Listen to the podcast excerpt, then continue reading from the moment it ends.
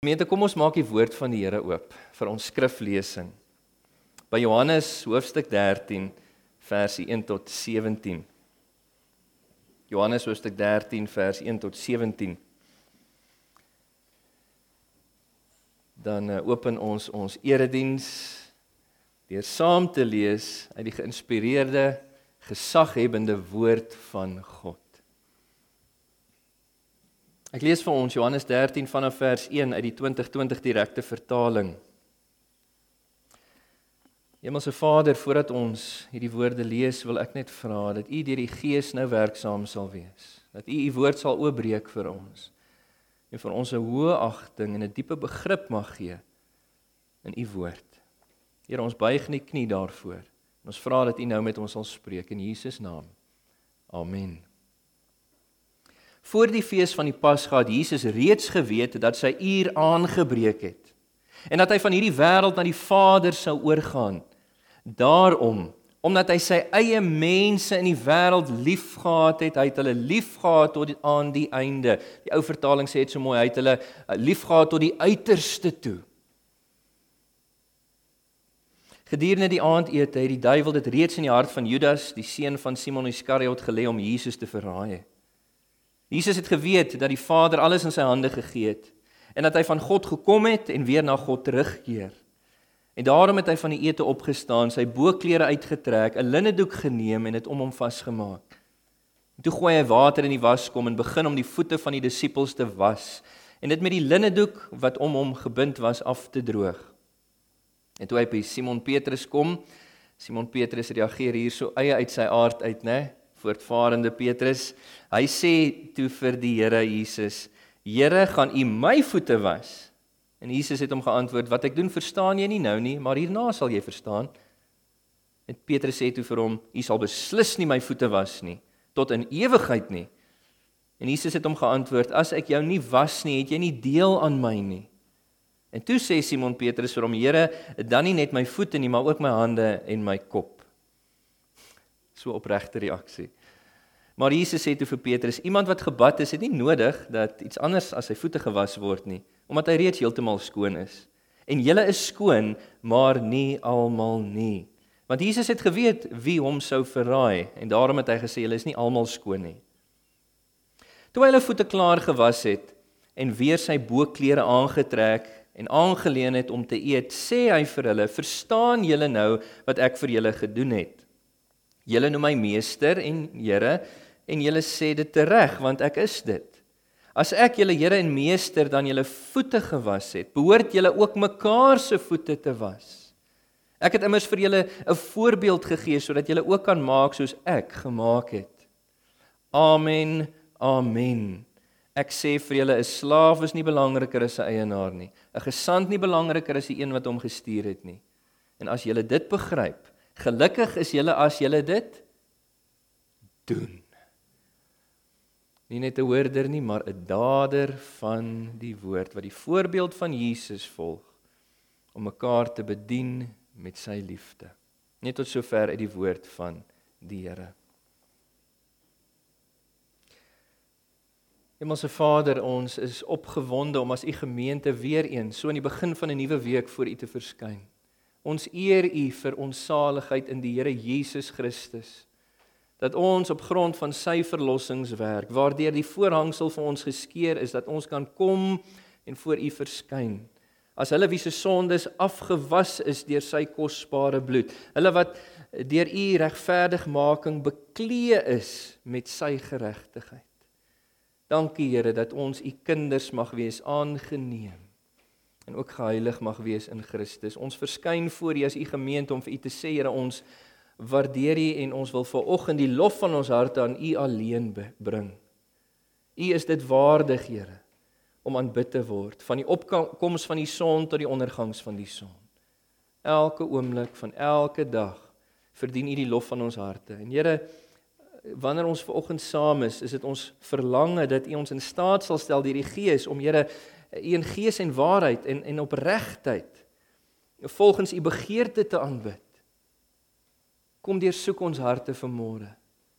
Openbaar aan ons, Here, as daar enige weg is wat u nie behaag nie en mag u dan oortuig Mag U ons trek met bande van liefde sodat ons in hierdie oomblik ons aandag op U alleen sal vestig. Wees vir ons vanoggend kosbaar, Here. Wys aan ons U heerlikheid. Ons het nodig, Here, om dit te sien, om weer perspektief te kry. Asseblief. Ons het nodig, Here, om U hartklop te hoor, te voel, te beleef vanmôre as U kerk. Om deur U versterk en bemoedig te word, Here, in ons uitdagings, in ons beproewings. Ons het nodig ook, Here, om deur U uitgedaag te word. En kom, Here, kom ontmoet elkeen van ons waar ons ver oggend met U staan. En ek wil bid dat U, Here, ons sal verkoop met U self en U self sal verheerlik in die proses. Vanoggend behoort aan U, Here. Kom wees sentraal, kom wees kern. Ek wil bid dat U my sal wegsteek en ook elkeen wat gaan optree agter die kruis, Here, sodat U en U as gekruisigde alleen gesien sal word. Asseblief en dat U ook vir ons, na as U ons seën, Here, nie net vir ons sal seën nie, maar ook elke ander Bybellerende kerk in Suid-Afrika en internasionaal sal seën. Dat die woord vandag helder, duidelik, suiwer verkondig sal word, dat daar ware bekering sal wees. Herlewing sal losbars in hierdie wêreld. Ons het dit so nodig. Skenk dit vir ons, Here. Gee vrug op die bediening van die evangelie waarheid tot eh, verspreiding van u kerk en vestiging van u koninkryk op aarde. Asseblief, ons kyk op na u en ons weet Here dat u ons gebede verhoor en ons sien uit met verlange wat u gaan doen vanoggend in ons midde. In antwoord op hierdie gebede. In Jesus naam bid ons dit. Amen. Gemeente, maak asseblief julle Bybels vir my oop by Matteus hoofstuk 28 verse 18 tot 20. Matteus 28 verse 18 tot 20. Ons gaan aan met ons studie omtrent wat die Bybel vir ons leer oor die kerk van ons Here Jesus Christus. En die tema onder bespreking vandag is die Christelike doop. Ons kyk van vandag af vir die volgende 2 Sondae as die Here wil na die instellings van die kerk. En ons begin by die Christelike doop. En my verlange vanoggend is regtig dat die Here ons sal help om te begryp die onverklaarbare, onverdiende, onvervreembare, onvoorwaardelike liefde vanaf God die Vader vir ons elkeen in Christus Jesus. Kyk, julle moet onthou, met volmaakte kennis van die sondeval wat sou gebeur na die skepping, het God die Vader, die eerste persoon van die goddelike drie-eenheid, het hy voor die skepping alreeds ons verlossing beplan. En hy het dit van sy kant af geïnisieer deur die Here Jesus Christus te stuur as 'n versoenoffer vir ons sondes. God die Seun, die tweede persoon van die goddelike drie-eenheid, ons Here Jesus Christus, hy het binne tyd en geskiedenis deur sy inkarnasie mens geword in hierdie wêreld. In ons plek het hy kom staan as ons volmaakte nuwe federale hoof en verteenwoordiger. En waar Adam gefaal het as ons federale hoof en verteenwoordiger, het Jesus nie gefaal nie. Hy het daardie verlossing wat God die Vader voor die skepping beplan en initieer het, het hy kom verdien vir ons deur sy die teoloog praat van sy aktiewe en sy passiewe gehoorsaamheid. Dit beteken maar net dat Jesus het ons verlossing kom verdien deur 'n lewe van sondelose gehoorsaamheid aan die morele wet van God. Hy het die wet namens ons vervul dit wat ons nie kon doen nie om vir ons 'n rekord van volmaakte geregtigheid voor die Vader te verdien.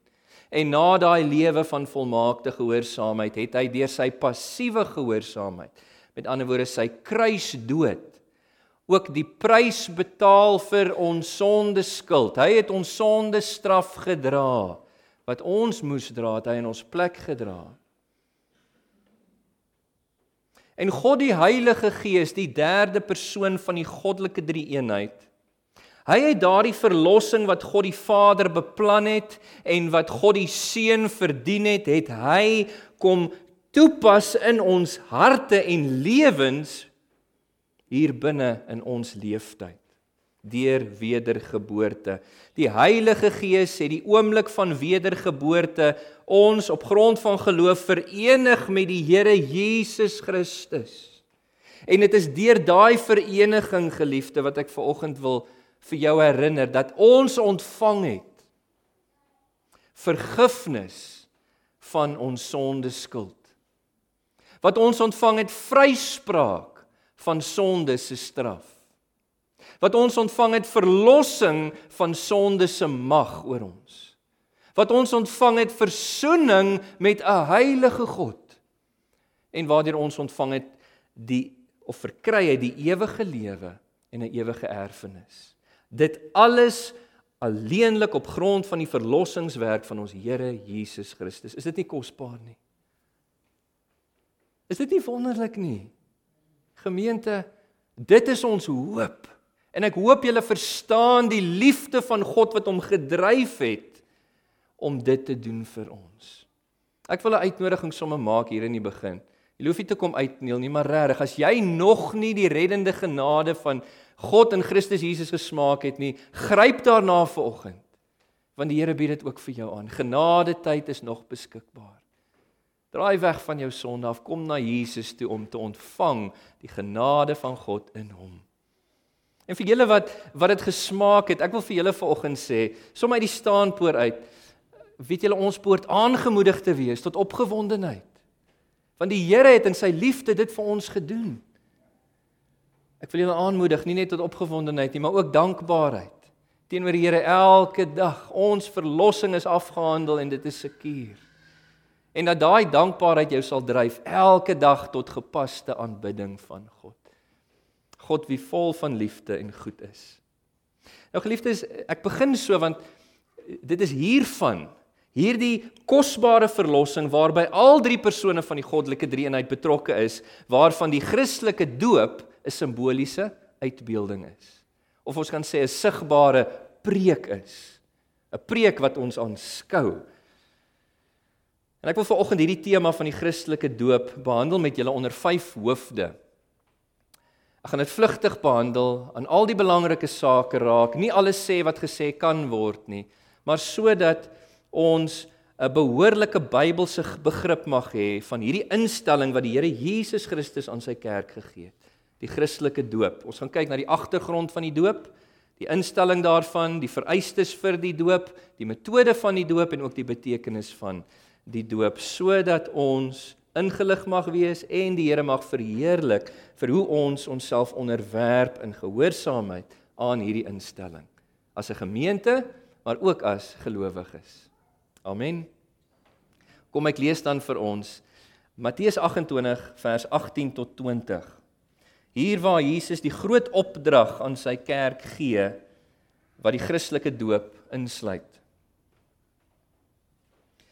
Na sy liggaamlike opstanding uit die dode voor sy hemelvaart het Jesus vir sy disippels gesê om na Galilea te gaan. Vers 18 sê Jesus het nader gekom na hulle toe daarso en vir hulle gesê aan my is gegee alle mag in die hemel en op aarde. Vers 19 gaan dan en maak disippels van al die nasies deur hulle te doop in die naam van die Vader en van die Seun en van die Heilige Gees en hulle te leer om alles te onderhou wat ek julle beveel het. En kyk, ek is met julle al die dae tot aan die volëinding van die tyd. En tot sover het die woord van die Here. Gemeente, kom ons sluit ons oë voordat ons in hierdie teks indelf. Hemelse Vader, ons wil vanoggend met nederigheid ons afhanklikheid van U kom erken. En vra Here dat soos wat ons nou hierdie onderwerp hanteer vanuit u woord dat u aan die woord sal wees. Dat u sal spreek deur u woord en gees tot ons harte. Dat u vir ons sal gewilligheid gee om te hoor, om aan te neem, om te aanvaar, om die knie in gehoorsaamheid te buig aan u sodat ons as 'n gemeente en as individue u mag verheerlik. Kom werk in ons midde asseblief, Here. Breek elke skans af elke huiwering en leer ons. Ons is werklik gewillig om te luister. In Jesus naam vra ons dit. Amen. Goed gemeente, ek gaan eers kyk na die historiese agtergrond van die doop. Toe Johannes die Doper wat Jesus se voorganger was, verskyn het op die toneel van wêreldgeskiedenis, was die onderdompeling van individue, die onderdompeldoop alreeds 'n bestaande gebruik. Die godsdienstige leiers van Jesus se dag het nie Jode wat proseliete word, met ander woorde wat hulle self bekeer het van die nie-Joodse gelowe om na die Jodendom toe oor te kom die rabbies het daai individue onder die water gedruk. En hulle het dan gewoonlik gesê dit is tot afwas van jou nie-Joodse onreinheid. Julle weet die Jode onder die ou verbond was baie gestel op reinheid voor God.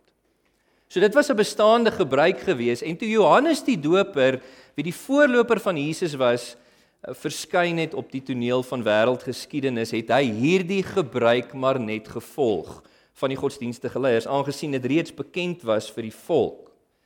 Die verskil was dat Johannes die Doper het nie net heidene, nie Jode gedoop nie, hy het ook Jode gedoop en die boodskap van die evangelie verkondig dat hulle almal hulle self moes bekeer, Jode en nie Jode, tot Jesus Christus wat nou gereed was om geopenbaar te word in die geskiedenis.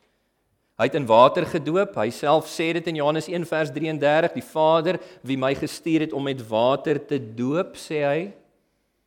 En ons weet dat hy gedoop het deur middel van onderdompeling, want daar word van Johannes die Doper se doop gesê in Johannes 3 vers 23 byvoorbeeld, hy het gedoop by Salem, Jerusalem, buite die stad, by die Jordaanrivier omdat daar baie water was.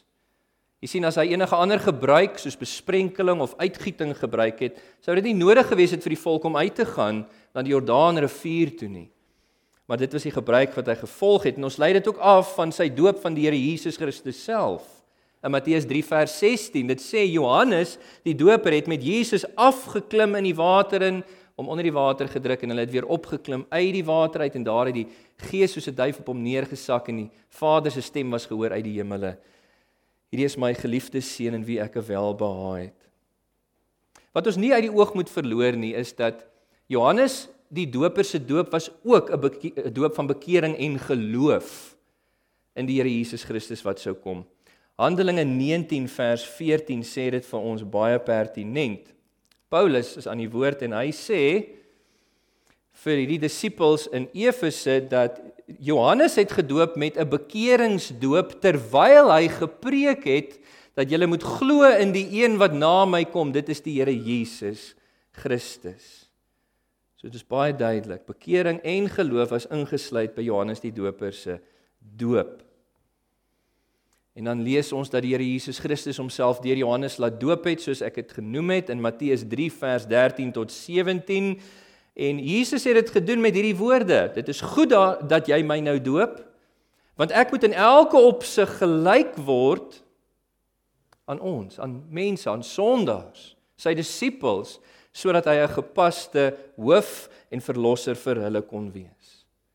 En so is Jesus dan gedoop om alle geregtigheid te vervul.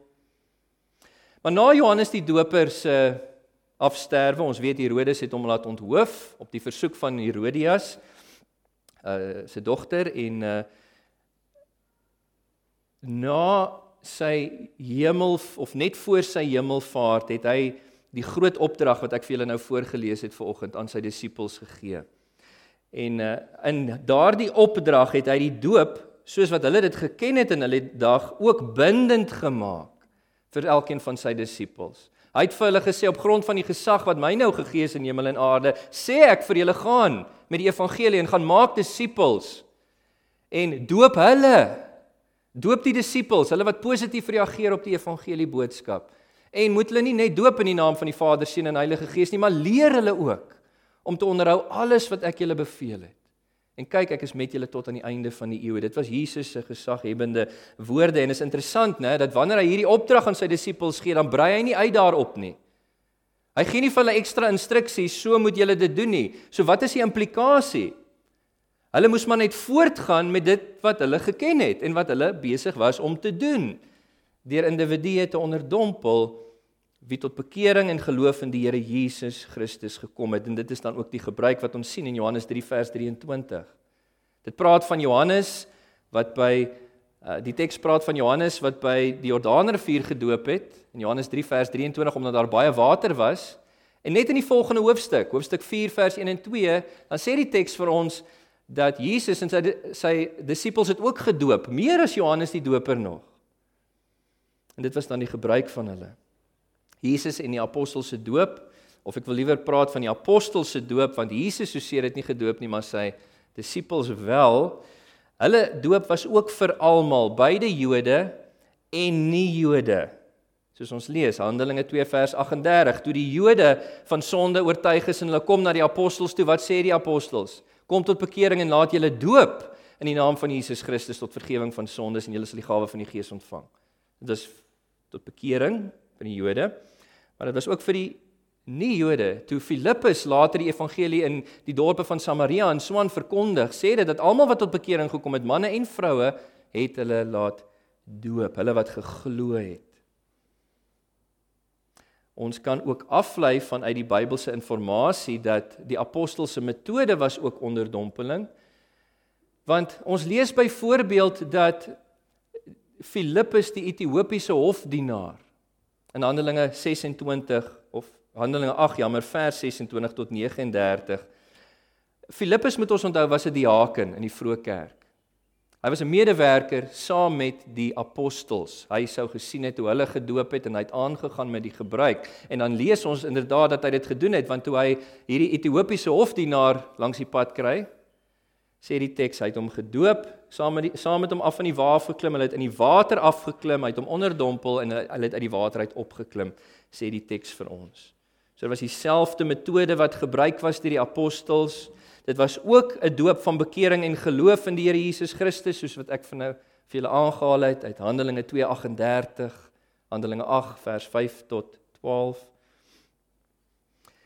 En uh die enigste verskil tussen die doop van die apostels van Jesus en Johannes die Doper was dat daar was iets wat bygekom het. 'n ekstra element en dit was dat hulle gedoop moes word, die disippels in die naam van die Vader, die Seun, die Heilige Gees soos wat ons teks vir ons sê. Nou nou as ek praat oor die betekenis, gaan ek so 'n bietjie meer hieroor sê. Kom ons spring 'n paar eeue na die kinderdoop toe. Die kinderdoop soos ons dit vandag steeds ken, het ontstaan in die 4de eeu na Christus en dit nogal met 'n Romein dwaling in die Rooms-Katolieke Kerk. Hulle het geleer dat die doop is 'n sakrament wat jou erfskuld en jou erfsmet kan afwas. En hierdie lering het populêr geword veral om in die tragiese mediese kondisies in die vroeë eeue. Ek meen hulle het nie die uh mediese tegnologie gehad wat ons vandag het nie. Baie kinders het gesterf met geboorte. Baie uh, bejaardes is op sterfbeddens vroeg dood. En uh dit is toe hulle nou hierdie lering begin aanblaas het spesifiek. Die eerste afwyking van die doop soos wat Johannes die Doper, Jesus en sy apostels dit gebruik het, is ons opgeteken in die geskiedenis in die jaar 250 na Christus, 'n man met die naam Novatian wat op sy sterfbed gelê het, wat nie by die water kon uitkom nie en daar is water op hom uitgegiet op sy sterfbed en dan het ons dit in die geskiedenis dat daai gebruik het later begin plek maak vir die besprinkeling van babas of van ou mense op hulle sterfbeddens net omdat dit meer gerieflik makliker was. En so het die Bybelse gebruik soos wat ons dit in die Nuwe Testament sien het begine vervaag, wegval. Maar die Here het daai gebruik laat herwin in die tyd van die protestantse reformatie in die 16de en 17de eeue. Toe die reformasievaders, hulle wat uh, weggebreek het in 'n sekere sin in die rooms-katolieke kerk en besef het hulle kon nie die rooms-katolieke kerk van binnekant af hervorm nie, hulle het weggebreek en hulle het teruggekom na die skrifte toe om die skrifte weer te ondersoek. En daar was in daai tyd met die reformatie baie leerstellings van die woord wat onder die rommel uitgegrawe is waaronder die kerk dit begrawe het. Byvoorbeeld die leerstelling van regverdigmaking uit genade alleen deur geloof alleen in Jesus Christus alleen. Dit was die credo-stelling van die reformatie. Maar ander leerstellings ook, soos byvoorbeeld dat die protestantse ehm um, reformasievaders het erken, daar is geen opdrag en daar is geen voorbeeld van die baba doop in die hele Bybel nie. Tog op hierdie punt leer ons in die kerkgeskiedenis dat die reformasievaders kon nie op alle punte ver wegbreek van die rooms-katolieke kerk af nie, want die Romeinse houvas op die mense was baie sterk. En hulle het probeer met wysheid wegbreek slegs op die kernpunte sodat die reformatie nie uiteindelik skade sou ly nie. Ek lees vir julle wat skryf Huldrych Zwingli. Hy was die reformatievader in Switserland. Um 'n tydgenoot van Johannes Calvin, Martin Luther en al die manne. Hy skryf die volgende en ek vertaal dit nou in Afrikaans. Niks grief my meer as dat ek tans babas moet doop nie, want ek weet dit hoort nie gedoen te word nie. Dis 'n reformatievader wat dit skryf. Maar ek sou hierdie sou ek hierdie gebruik staak, sou ek my amp verloor. Sou ons moes doop volgens Jesus se instelling skryf hy, sou ons niemand gedoop het voordat hulle die ouderdom van diskresie bereik het nie. Dan word dit daai ouderdom wat die kind vir homself kan begin die evangelie verstaan en reageer. So ons niemand voor daai ouderdom gedoop het nie want ek vind die baba doop skryf hy nêrens opgeteken of beoefen nie, opgeteken of beoefen nie. Maar nou moet ons dit beoefen om nie aanstoot te gee nie. Baie interessant. Tog was daar brawe siele in die tyd van die protestantse reformatie. Hulle was genoem die Anabaptiste uh ook genoem die wederdopers. Dit was eintlik 'n skeldnaam wat hulle toegesnoei is. Anna wat beteken weer, baptizo wat beteken onderdompel of doop, die weerdopers. Hulle het die baba doop nie as 'n geldige doop geag nie, want dit is 'n mensgemaakte instelling vanuit die Romeinse kerk en hulle sien dit nie in die Bybel geleer nie. En dis daarom dat hulle baie kras weggebreek het daarvan af en dit word vir ons opgeteken dat die eerste doopdiens waarin die doop van gelowiges soos Johannes die doper, Jesus en sy apostels dit beoefen is, herwin is, was in Zurich gewees. 25 Januarie die jaar 1525 toe Konrad Grebel vir George Blaurock wat 'n voormalige monnik in die Romeinse kerk was. Hy het hom gedoop en in beurt het George Blaurock 15 ander ook gedoop. Maar die Anabaptiste was baie wreed vervolg weens hulle geloofs-oortuigings. Felix Mans byvoorbeeld word vir ons opgeteken in kerkgeskiedenis dat hy verdrink was omdat hy gelowiges onderdompel het in die jaar 1527. En so was ongelukkig die vernaamste leraars van die uh, Anabaptiste vermoor vir die geloof.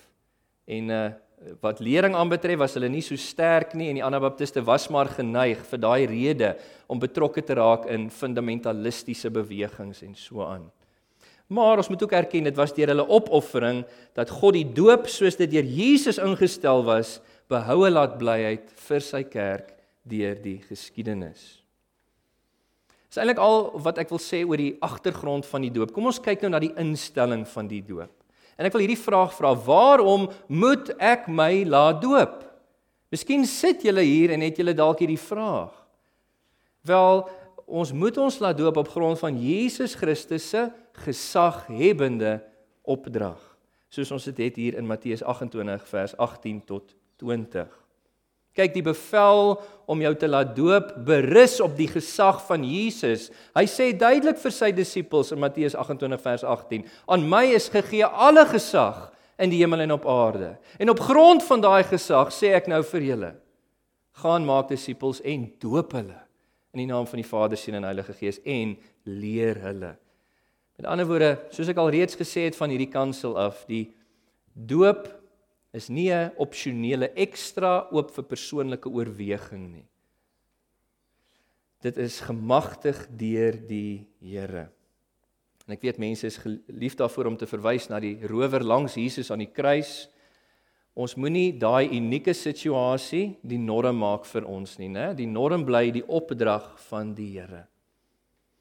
En dan ook wat baie belangrik is dat ons sal verstaan vanuit hierdie teks is dat die doop initieer Christelike disippelskap, né?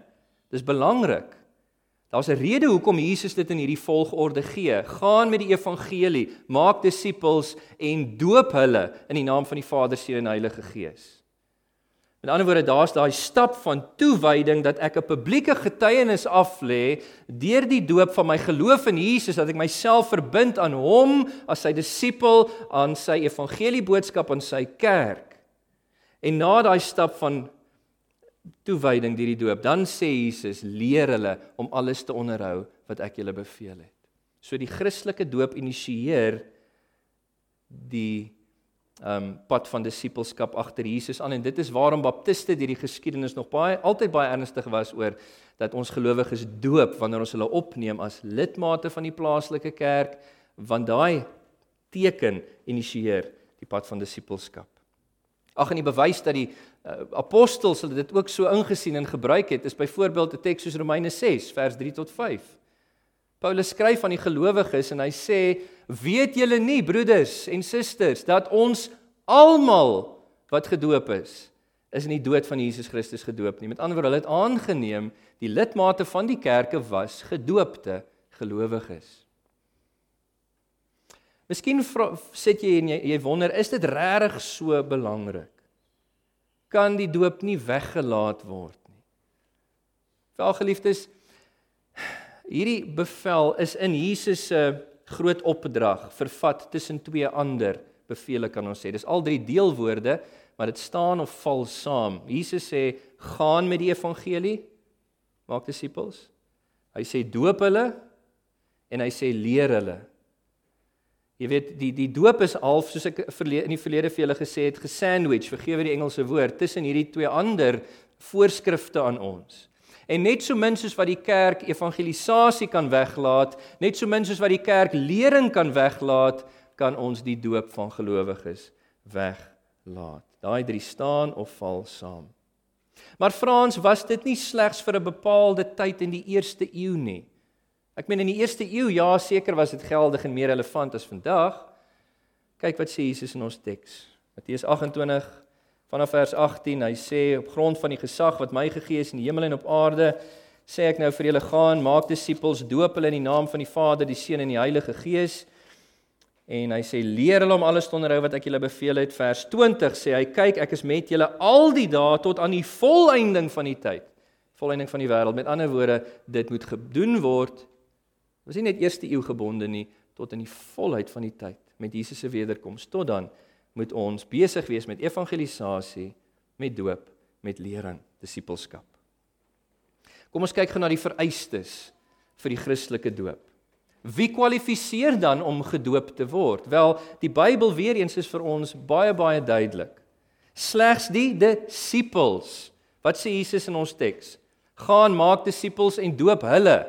Nie doop almal voor die voet nie, doop hulle, die disippels. Dit is diegene wat reageer het met bekering. Soos ons lees in Handelinge 2:38, kom tot bekering, laat julle gedoop word. Uh die wat reageer met geloof, soos ons lees in Handelinge 8 vers 5 tot 12. Die wat geglo het in die evangelie manne en vroue is gedoop. Dan word baie duidelik, daai is die twee kwalifikasies wat die Here vir ons gee in sy woord vir redding, bekering en geloof en dit is ook dan die kwalifikasies vir disippelskap en die doop van die gelowige. En ek wil net hier sê ehm um, net op grond van hierdie twee vereistes wat die Bybel daar stel vir ons, moet ons alreeds die baba doop verwerp. Want 'n babietjie het nie die kognitiewe vermoë om tot bekering te kom en te glo op grond van 'n Bybelse verstaan van die evangelie nie. Miskien wonder jy, jy het kinders wat gelowig is, hoe oud moet 'n persoon wees om gedoop te word?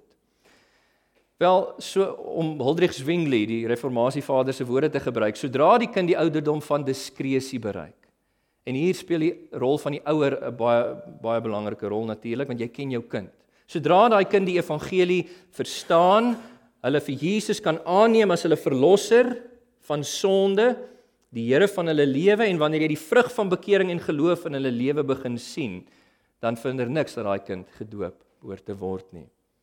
Hierdie ouderdom verskil wel van kind tot kind, want persone verskil en ek sal altyd vir ouers aanmoedig wag eers 'n bietjie, kyk die kat uit die boom uit, gee genoeg tyd om die vrug in die kind se lewe dop te hou. Maar as jy oortuig is, as die kind oortuig is, dan verhinder niks. Met betrekking tot die doop, ag die metode van die doop, jammer. Die die metode. Die metode is ook nie onbelangrik wanneer ons gesels oor die doop nie. Dis belangrik vir ten minste 3 redes. Nommer 1. Die doop dien vir ons as 'n sigbare preek. Mense kyk daarna en 'n waarheid word uitgebeeld simbolies. Jy weet en is daai waarheid wat vir ons opgeteken is in Romeine 6 vers 3 tot 5.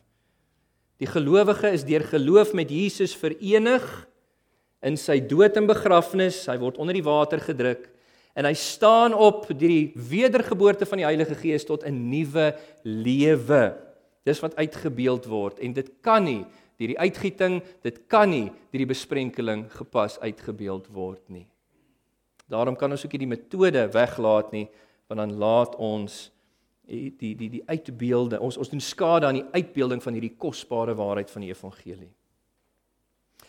Die metode is ook belangrik, ook maar net ter wille van die woord wat gebruik word in die Bybel vir doop, is die woord baptizo. En enige leksikon of uh, verduidelik dit as to dip or to immerse. Kyk as ek vir julle elkeen vanoggend 'n koppie koffie in die hand gee en 'n beskuitjie. Ons is ons baie lief vir dit, né?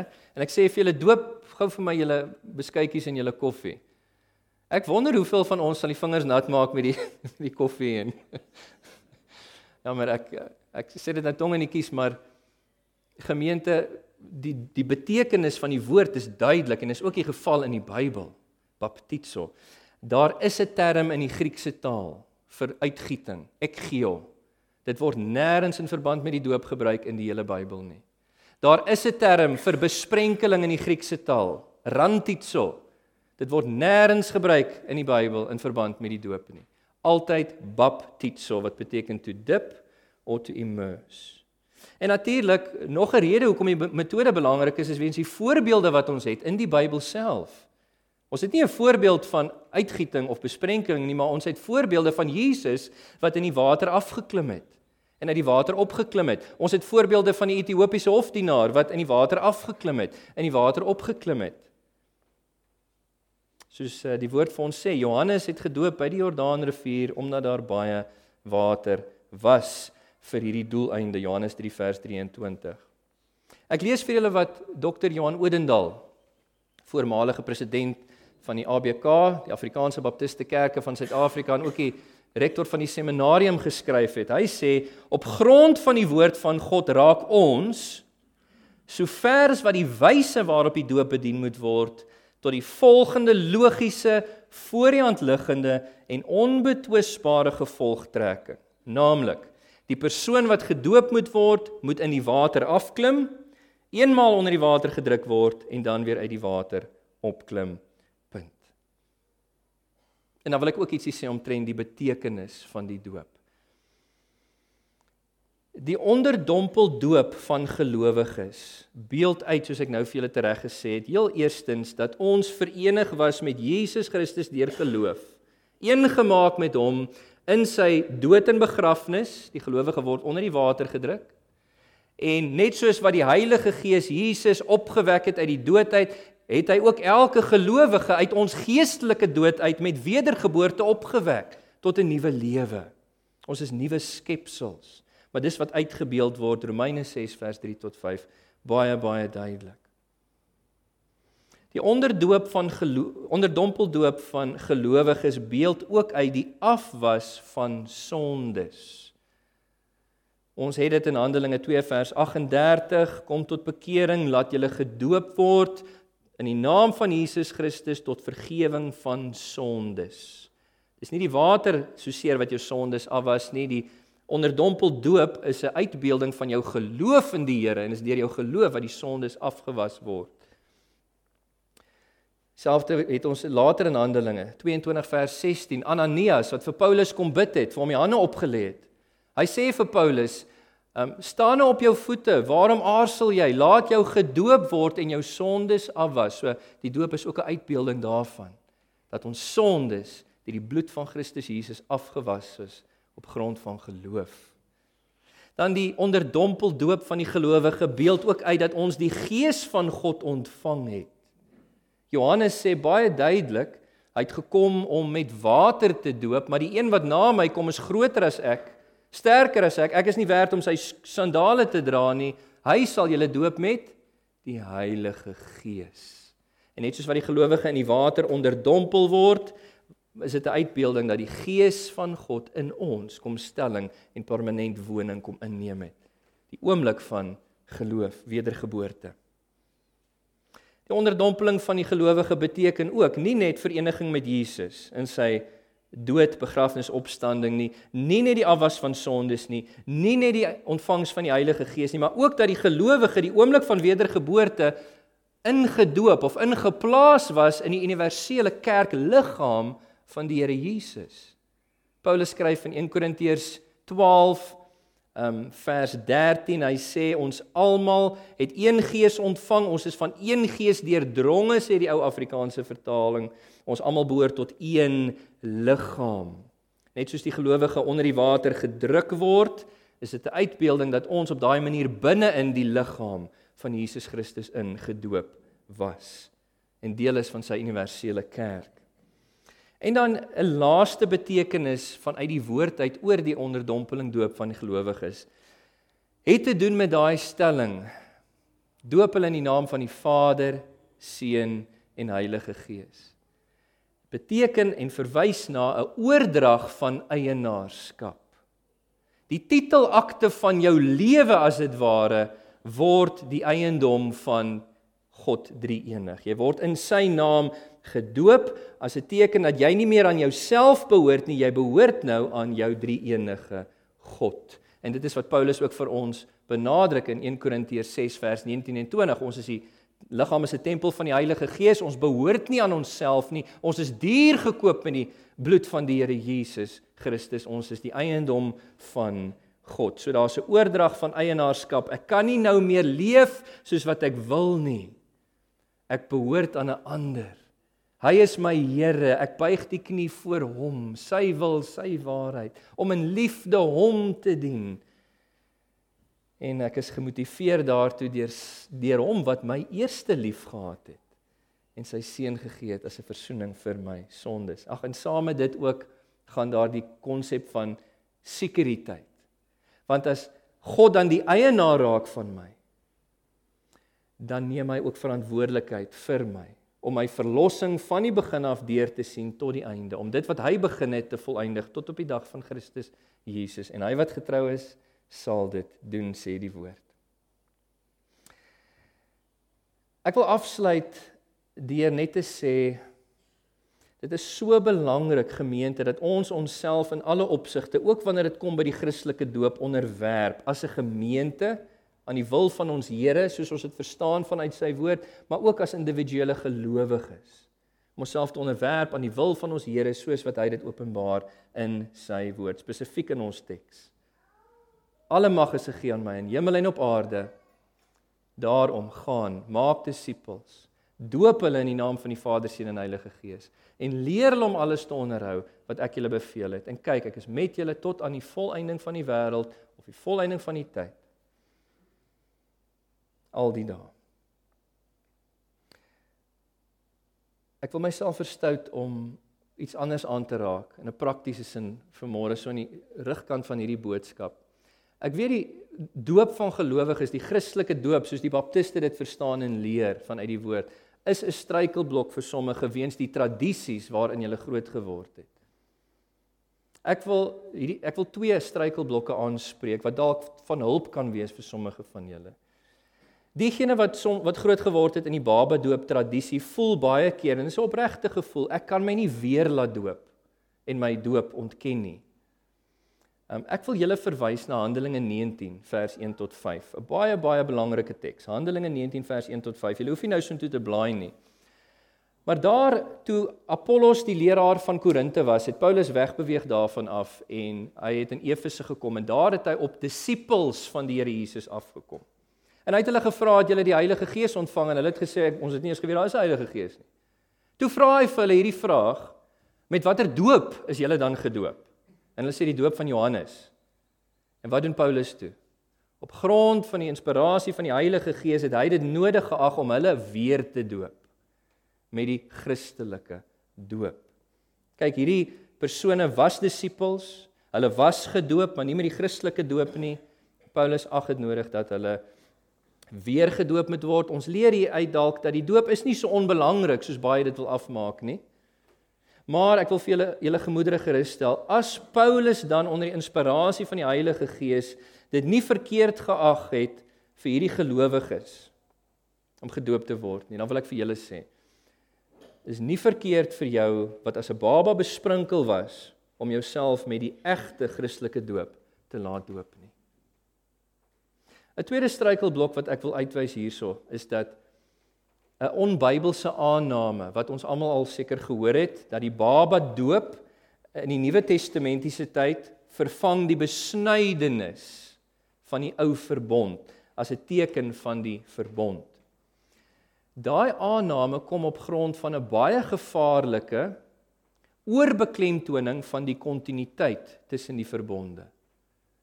Kyk, ons is verbondsteoloë in die unieke baptistiese sin van die woord. Maar ons erken dat daar is ook diskontinuasie tussen die verbonde. Net die feit dat daar gepraat word in die Bybel self van 'n ou verbond en 'n nuwe verbond behoort vir ons dit duidelik te maak. Daar is verandering, daar is verskil. Hierdie idee dat die baba doop die besnydenis van die ou verbond vervang, is 'n mensgemaakte aanname waaroor Jesus en die apostels totaal en al stil is. Nêrens in die Nuwe Testament noem hulle dit eers nie. Hulle trek nie daai lyn nie. So ons moet versigtig wees om self daai lyn te trek. Wat wel gesê word in die Bybel omtrent uh, die ou verbond, nuwe verbond, kontinuïteit, diskontinuïteit is dat in Hebreërs 8 vers 8 tot 13 die skrywer van Hebreërs sê onder die inspirasie van die Heilige Gees wanneer God praat van 'n nuwe verbond dan beteken dit hy die oue uitgedien en afgehandel geag En waar die verbond afgehandel en uitgedien is, is dit aan die verdwyn. Aan die ander woorde, dis 'n duidelike diskontinuasie tussen die ou en die nuwe. Die teken van die ou verbond, die besnydenis, was vervul in Jesus Christus. En dit is waarvan waarvan ons lees in Kolossense 2 vers 11 en 12. Dat omdat ons verenig is met Christus deur die geloof in sy dood, is die ou mens, die ou mens wie jy was, afgesny soos wat die vooruit in die besnydenis afgesny was. Dis vervul in Jesus Christus geestelik. En daai teken van die ou verbond het verval saam met die ou verbond is verby in daai opsig. Maar wat ons wel lees in die Nuwe Testament is dat die tekens van die nuwe verbond is die onderdompeldoop van die gelowige, ook wat ons noem soms die belydenisdoop en die nagmaal. Dit is die tekens van die nuwe verbond waaronder ons staan. En dit beoefen ons deurgaans tot by die wederkoms van ons Here Jesus Christus. Mag die Heilige Gees ons bystaan om God te verheerlik deur ons onderdanigheid as 'n gemeente, maar ook as individue in hierdie opdrag van die Here. Amen. Kom ons sluit die oë dan bid ons saam. Hemelse Vader, baie baie dankie dat U vandag teenwoordig was dat U aan die woord was, dat U ons toegespreek het deur U woord en gees. Ag Here, hierdie dinge is moeilik om te verstaan soms want ons het tradisie, ons het geskiedenis en Here, dis baie keer emosie belaaid. Maar ek wil vra Here dat U ons genadig sal wees, uiters geduldig. Dat U ons sal help Here om in hierdie aspek ook as 'n gemeente, as individue U te eer. En ek wil spesifiek vra ook Here, vir diegene wat wel verstaan het wat hulle laat doop het. Here dat hulle eh, nie sal vaskyk net in die doop as self as 'n uitbare eh, of 'n simboliese uitbeelding nie, Here, maar dat hulle die waarheid daar agter elke dag opnuut sal waardeer. Here dat die evangelie waarheid vir ons opnuut werklik sal wees elke dag en dat ons in die lig daarvan sal leef tot u eer. Ons dankie vir u woord, Here. Wees die naprediker daarvan in ons harte vandag en in die week wat voorlê. Vra ons in die naam van ons Here Jesus Christus. Amen.